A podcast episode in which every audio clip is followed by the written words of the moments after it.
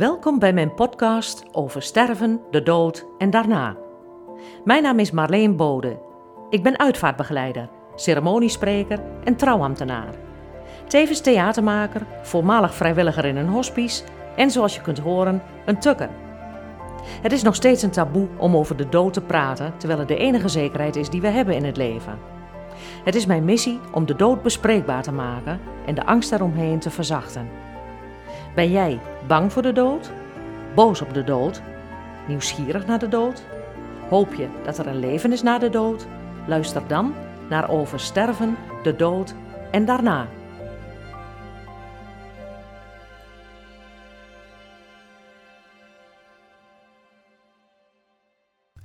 Dames en heren, beste mensen, aardbewoners, ik wens u een goedenavond, maar dat is het natuurlijk niet. Het komende uur gaat over sterven en de dood. Er valt weinig te lachen. U kunt nu nog weg als u wilt. U mag weg hoor. Oké, u blijft? Nou, voor degene die durft te blijven zitten, laten we hopen dat uw laatste uur niet net heeft geslagen.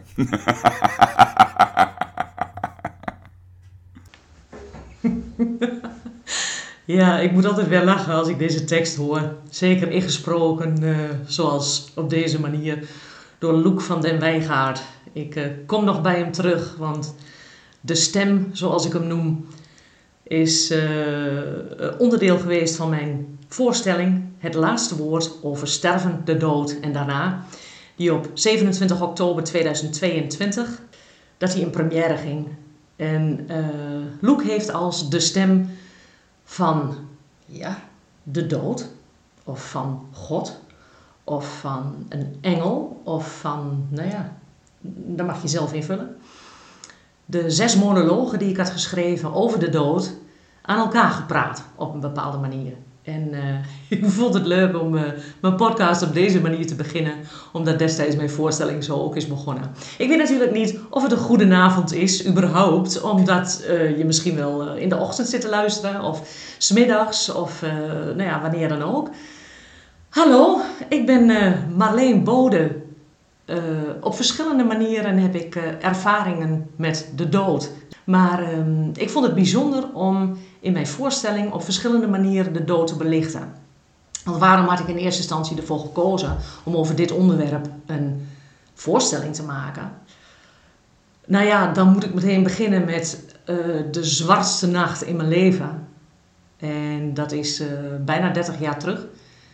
Ik was 22 en um, ja, wilde er een einde aan maken. Ik was er eigenlijk wel klaar mee op deze planeet.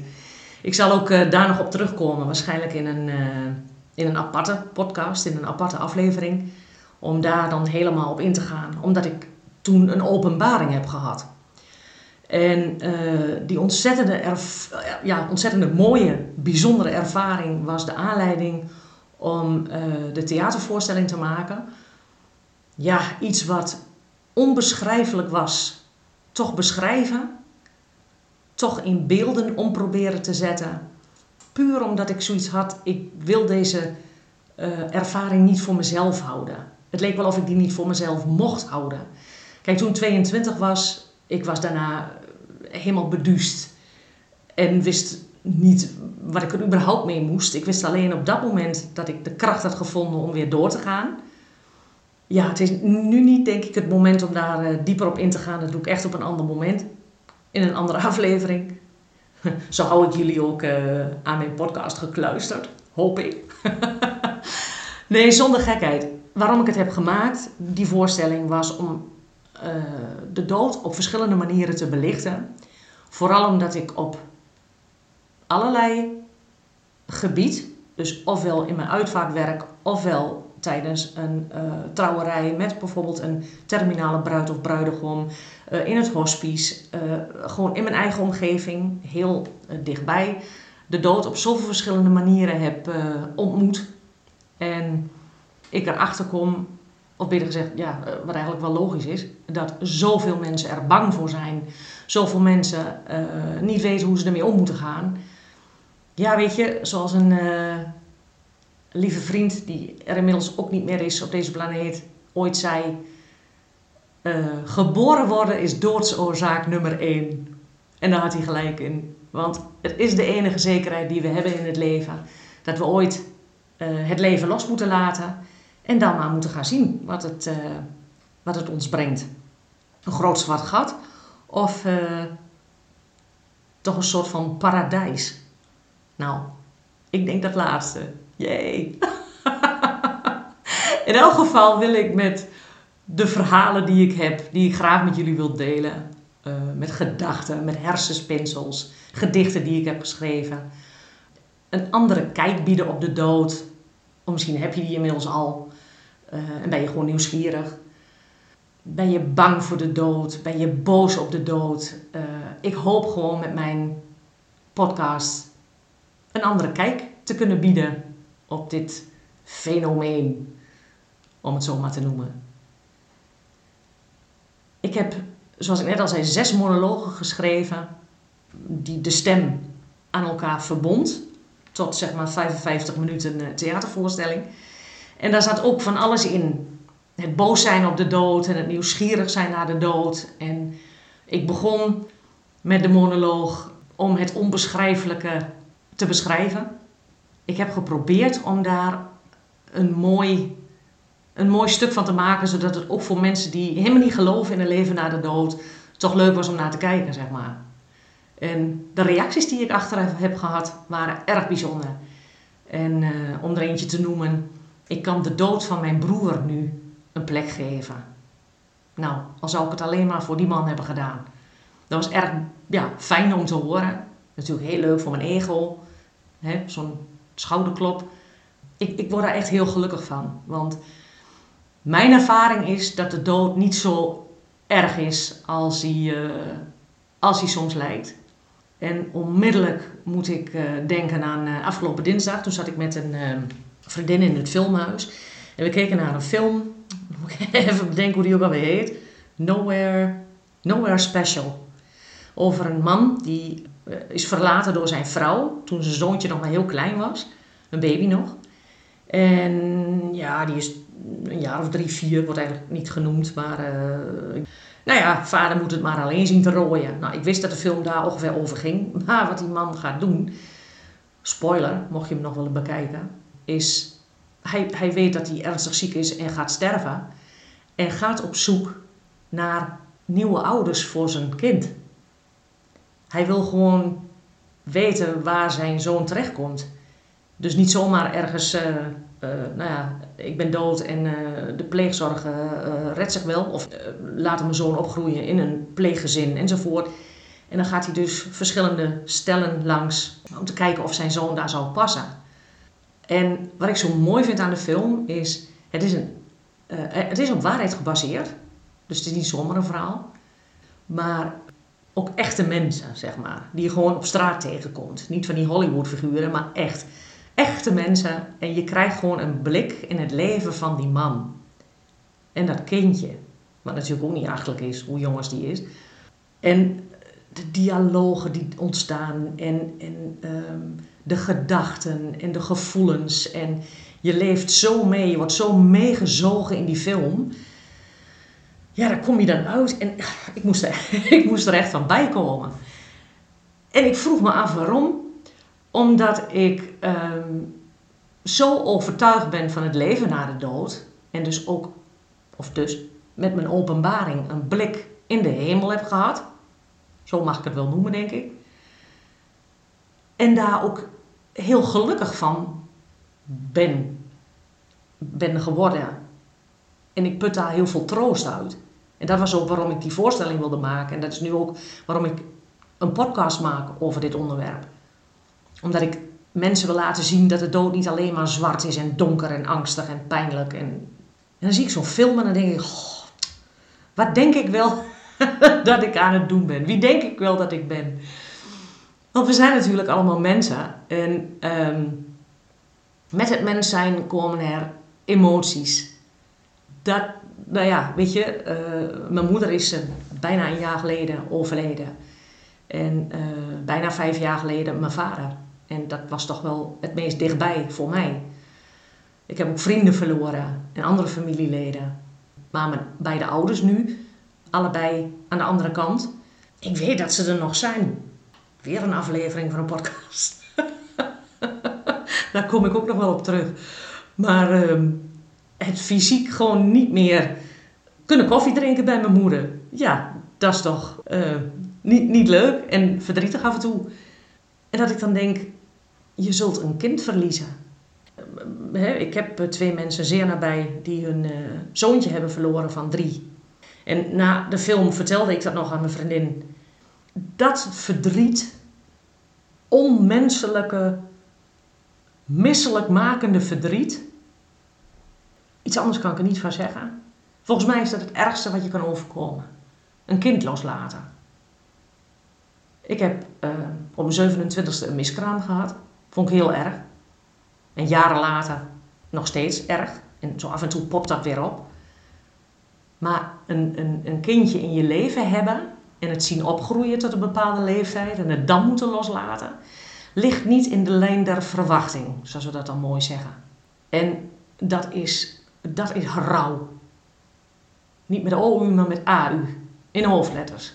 En uitroeptekens. En dan kom ik met een podcast over sterven, de dood en daarna. En ik hoop dan mensen daarmee een uh, hart onder de riem te kunnen steken. En ik vraag me wel af of er inderdaad mensen zijn die zo diep in hun verdriet zitten dat ze een, een, een boodschap die ik graag zou willen overbrengen, niet kunnen horen of niet kunnen voelen. En ik ga toch proberen om enigszins de dood te verzachten. Ja, dat is nogal een klus, eh, denk ik. Om het gewoon minder angstig te maken. Want je wordt geboren, nou dat schijnt al ellendig genoeg te zijn. Alleen maar je voor te stellen om als klein wezentje door zo'n, uit een baarmoeder, door zo'n smalle tunnel geperst te worden deze planeet op. En je zou het vergelijken met je lichaam uit ploep door een tunnel het grote licht in. Ik denk dat daar een behoorlijk verschil in zit.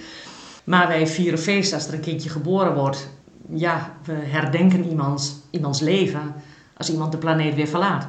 En er zijn culturen waar ze dat andersom doen. Nou ja, niet zozeer andersom, maar op, op beide momenten feest vieren. Maar goed, weer een onderwerp waarvan ik denk: hé, hey, daar kunnen we ook nog eens een keer een podcast aan wijden. Maar goed, waarom ik uh, het gevoel had dat ik deze podcast moest gaan maken. Mijn voorstelling was op een gegeven moment klaar. En dat was eigenlijk een beetje gedwongen door de coronaperiode. Omdat de laatste voorstelling die ik zou spelen, eind oktober 2020, werd afgelast. Tenminste, de kapel in Zwolle waar ik hem zou opvoeren, die, uh, die zat dicht, net als alle theaters. En ik zelf was uh, herstellende van COVID. Meteen in de eerste golf werd ik gevloerd. Heb toen ook de dood nog even weer in ogen mogen kijken. Maar het was nog steeds mijn tijd niet. En uh, ik loop er nog steeds. Niet helemaal van harte, ben ik heel eerlijk in. Want uh, het was een, en is nog steeds een spannende tijd. Ik bedoel, ik ben nu niet dat ik denk, COVID gaat mij nog de das omdoen. Maar in die eerste golf heb ik, ben ik zo ziek geweest dat ik, nou ja, het was erop of eronder. Maar het was dus ook fysiek niet mogelijk om die voorstelling nog te doen. Dus uh, toen, het theater toen de theater sloten en dus ook de kapel, was dat uh, uh, in die zin voor mij, werd de beslissing voor mij genomen. Met het idee van, ach, hè, we pakken gewoon volgend jaar de draad weer op. Maar op de een of andere manier voelde het niet goed om de voorstelling weer te gaan spelen. En waarom niet? Dat vind ik nog steeds een lastige vraag om te beantwoorden. Want de dood is altijd actueel de zes monologen, die dus ook heel uiteenlopend zijn, die allemaal een andere facet van de dood, zeg maar, uh, belichten. Ja, ik zou tot in de treuren kunnen spelen, maar op de een of andere manier voelde het niet goed. Het was, ja, het, het was klaar. Dus ook de pagina van Facebook gehaald en um, ook aangekondigd zo van het uh, gaat stoppen, ik doe het niet meer. En ja, maar er bleef wat knagen. En waarom? Ik denk door die ervaring, door die openbaring, de blik achter de schermen, het kijkje in de hemel, het gevoel van paradijs. Ik wil het graag delen. Ik ben overtuigd van een leven na dit leven. Ik ben ervan overtuigd dat als wij ons fysieke lichaam loslaten, dat wij verder leven in een andere wereld. En die andere wereld is niet eens zo ver weg, die is om ons heen. Want onze overleden dierbaren zijn nog steeds om ons heen. En dat is misschien lastig voor te stellen als je ja, daar niet mee bezig bent, of daar nooit over gehoord hebt, of daar zelf geen gevoel bij hebt.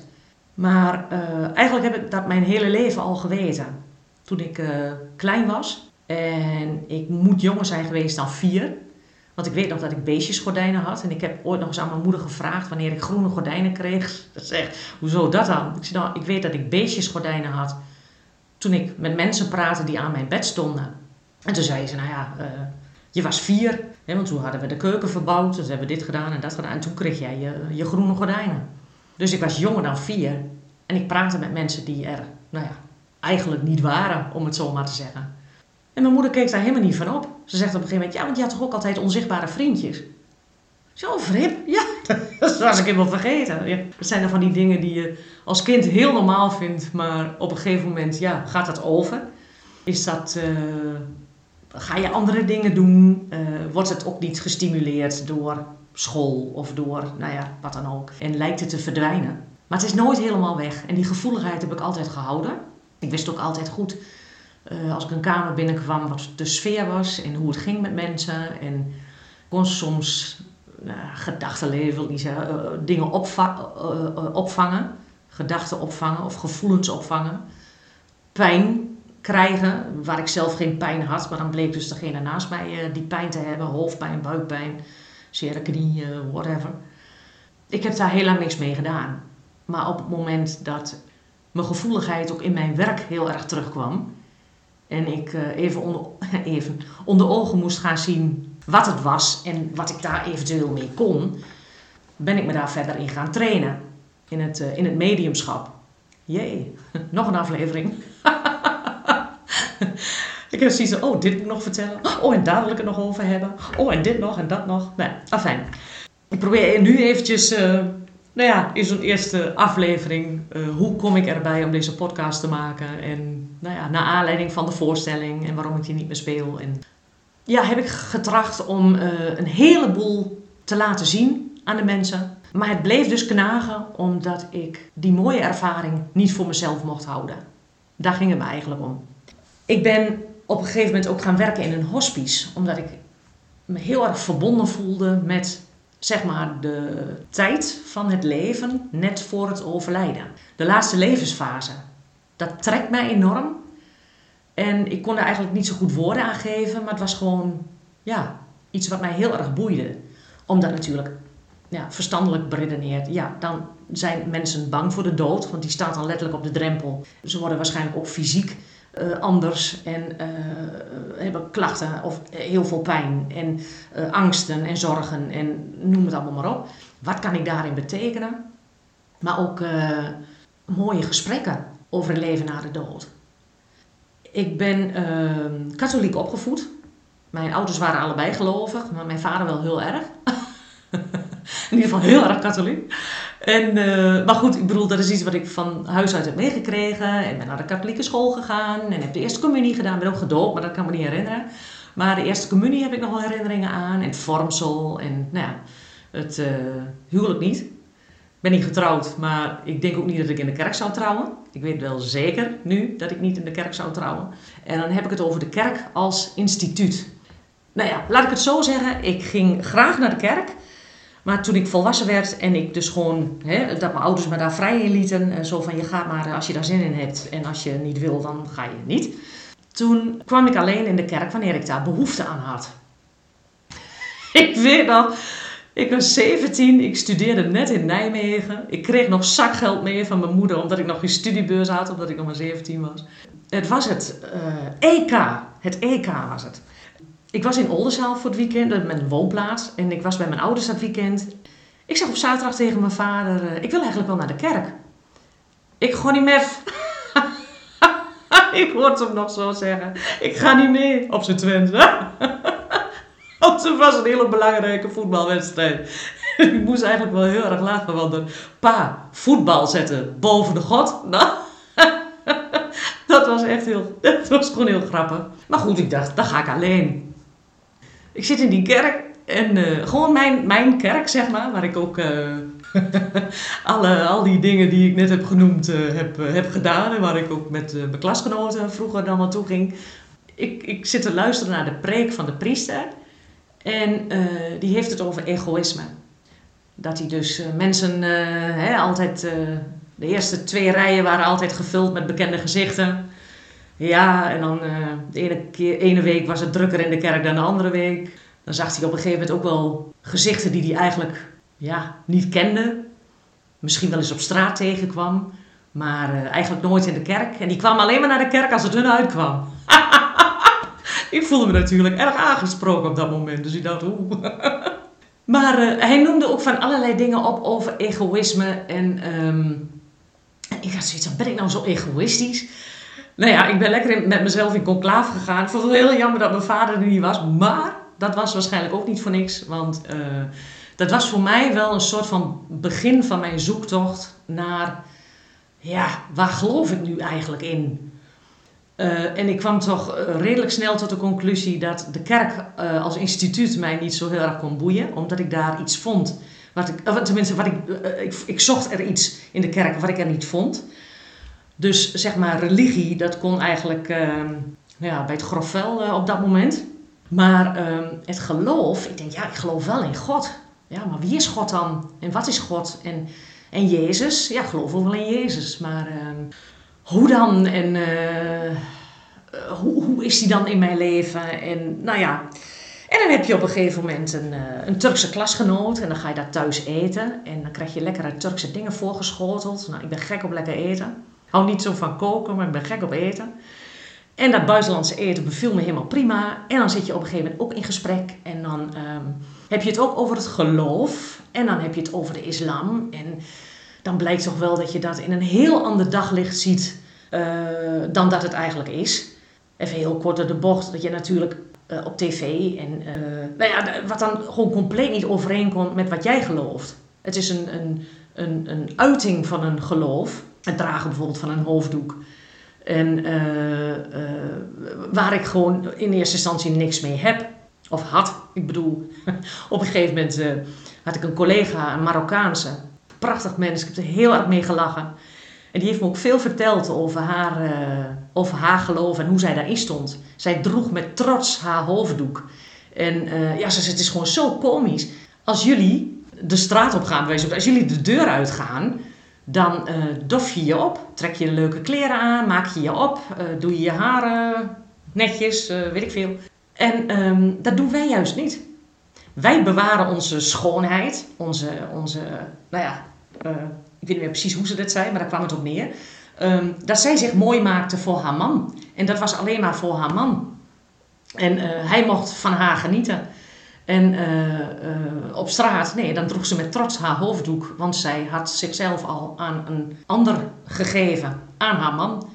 maar als er iemand de broek aan had, thuis, dan was zij dat. Daar moest ik ontzettend op lachen. En um, ik werkte in die tijd als actrice in Amsterdam. En ik uh, had een aantal bijeenkomsten op de Hogeschool van Amsterdam. Waar mensen gingen afstuderen, in maatschappelijk werk onder andere. En er moesten scènes gespeeld worden. Dus dat je als nou ja, uh, cliënt bij een maatschappelijk werker komt. En zij konden dan op jou oefenen, zeg maar. En ik was uh, mevrouw Winter. En mevrouw Winter had last van haaruitval. Want ze was ontzettend gestrest. En nou ja, fijn. dat was ongeveer uh, de... dat was ongeveer de rol. En er zaten nog wat dingetjes bij die ik dus in het gesprek naar voren moest brengen, zodat daar dan op gereageerd werd. En nou ja, als trainingsactrice vond ik het prachtig om, uh, om te werken. Omdat je ja, met je acteerwerk mensen kunt helpen hun werk beter te doen. Dat vond ik echt een uh, geniaal uh, idee en heel fijn om te doen. Dus ik speelde mevrouw Winter met verven. Maar op een gegeven moment had ik zoiets een haaruitval. Ja, dat heb ik natuurlijk niet werkelijk. Ik dacht, weet je wat, ik ga een hoofddoek omdoen. Dus ik had aan Fatima gevraagd hoe ik zo'n ding in godsnaam fatsoenlijk moest opknopen zonder eruit te zien als een roodkapje. Maar eh, echt gewoon mooi, zoals zij dat ook gewoon zo strak om haar hoofd. En uh, dat was wel grappig, want we moesten eerst even uh, wachten totdat alle mannen de kamer uit waren. Zodat ze mij dus kon laten zien hoe zij de doek om haar hoofd had geknoopt. Geniaal. We hebben zo gelachen. Maar ook de trots van haar. En ik moet eerlijk zeggen, ze sprak beter Nederlands dan ik. Nou ja, fijn. Maar in ieder geval, de islam, haar geloof en dan zeg maar het nou ja, katholiek geloof wat ik dan nog uh, aanhing. Ik heb veel van haar geleerd, laat ik het zo zeggen. En dat was nog maar één ding. Want op een gegeven moment, ik leerde Joodse mensen kennen. En ik heb uh, op een dochter gepast. Mijn leasekind, zeg maar, heb ik negen maanden uh, voor mogen zorgen. Wat ik gewoon heel bijzonder vond, was dat ik verschillende religies wat van heb mogen proeven, zeg maar. En dat ik daar heel erg um, dingen uithaalde als nou eigenlijk de liefde en de kracht en het licht. En dat ik denk, dat is eigenlijk allemaal hetzelfde. Eigenlijk gaat het allemaal over één ding. Ding tussen aanhalingstekens. Ja, ik bedoel, over God. En ik zeg dus God, omdat ik katholiek ben opgevoed. En dan zullen misschien mensen denken, oh God, ze heeft het over God. Maar de, noem het de bron ik, ik zie God als de bron waar we allemaal van afstammen. Waar we allemaal een kern van in ons dragen. Waarmee we ons verbinden met elkaar. En ja, iemand kan van God los zijn. Nou ja, dan ben je de aan het dansen, zeg maar. ik geloof dat wij, als wij ons fysieke lichaam loslaten, dat dan die goddelijke kern is wat overblijft. En dat die kern dus verder gaat, of eigenlijk teruggaat naar huis. Terug naar waar die vandaan komt. Naar de spirituele wereld. En dan maak ik nog een verschil tussen spirituele wereld en hemel. Maar daar ga ik een andere keer op in. Ja, ik, ik vond het gewoon mooi dat toen ik dus 17 was en in mijn eentje in die kerk zat. En toen dus eigenlijk uh, uh, op mijn falie kreeg, om het netjes te zeggen, van meneer Pastoor. Dat toen eigenlijk mijn zoektocht is begonnen. En die heeft me langs verschillende religies geleid, naar verschillende, langs verschillende mensen geleid. En uh, een aantal daarvan zijn nog steeds in mijn vrienden- en kennissenkring. We hebben de meest fantastische gesprekken over het geloof, niet over de religie, maar ik ben blij met mijn geloof. En uh, ik noemde het net al de laatste levensfase en het, werk in het hospice wat ik heb gedaan. Uh, maar daar ga ik een volgende keer op in. Want dat vind ik wel ja, iets voor een, voor een andere aflevering. Maar ik vind het ook wel mooi om te eindigen met het gedicht waarmee ik mijn voorstelling ben geëindigd. Want dat is het gedicht wat ik heb geschreven na een uh, bijzondere dienst in het hospice. En ik wil jullie die niet onthouden. Dus daar komt het. Dag dood. Hallo dood. Vandaag was je er weer, best heel dichtbij. Kon je niet horen, maar je adem was naast mij. Ik kon je niet zien, maar wel een beetje voelen. In de hitte van de strijd hielp jij af te koelen. Moet ik je vrezen of ben je mijn vriend? Als het moment komt dat jij je bij mij aandient. Wellicht moet ik me richten op het leven van het leven. Maar daar hoor je toch bij, dood? Of is dat om het even? Ik wil je niet ontkennen, ik heb voor jou ontzag. Je komt steeds dichterbij en ik weet niet of ik je mag. Je komt uit het duister, maar bent van binnen licht dat ik vaak niet kan waarnemen, dus ik doe mijn ogen dicht. Je hand pakt niet de mijne, maar die van de andere vrouw. Ben ik blij of teleurgesteld dat ik niet mee mag met jou? Ooit kom jij speciaal om mijn licht hier te doven en ik moet maar in die andere wereld geloven. Daarom wil ik je kennen, ik wil je dichtbij, zodat ik weet wat er gaat gebeuren met mij. Dag, dood, wees mijn vriend en doe mij geen pijn. Laat me niet schrikken als ik er voor je moet zijn. Laat mij dan de weg zien die ik moet gaan, om aan de andere kant in het licht te mogen staan.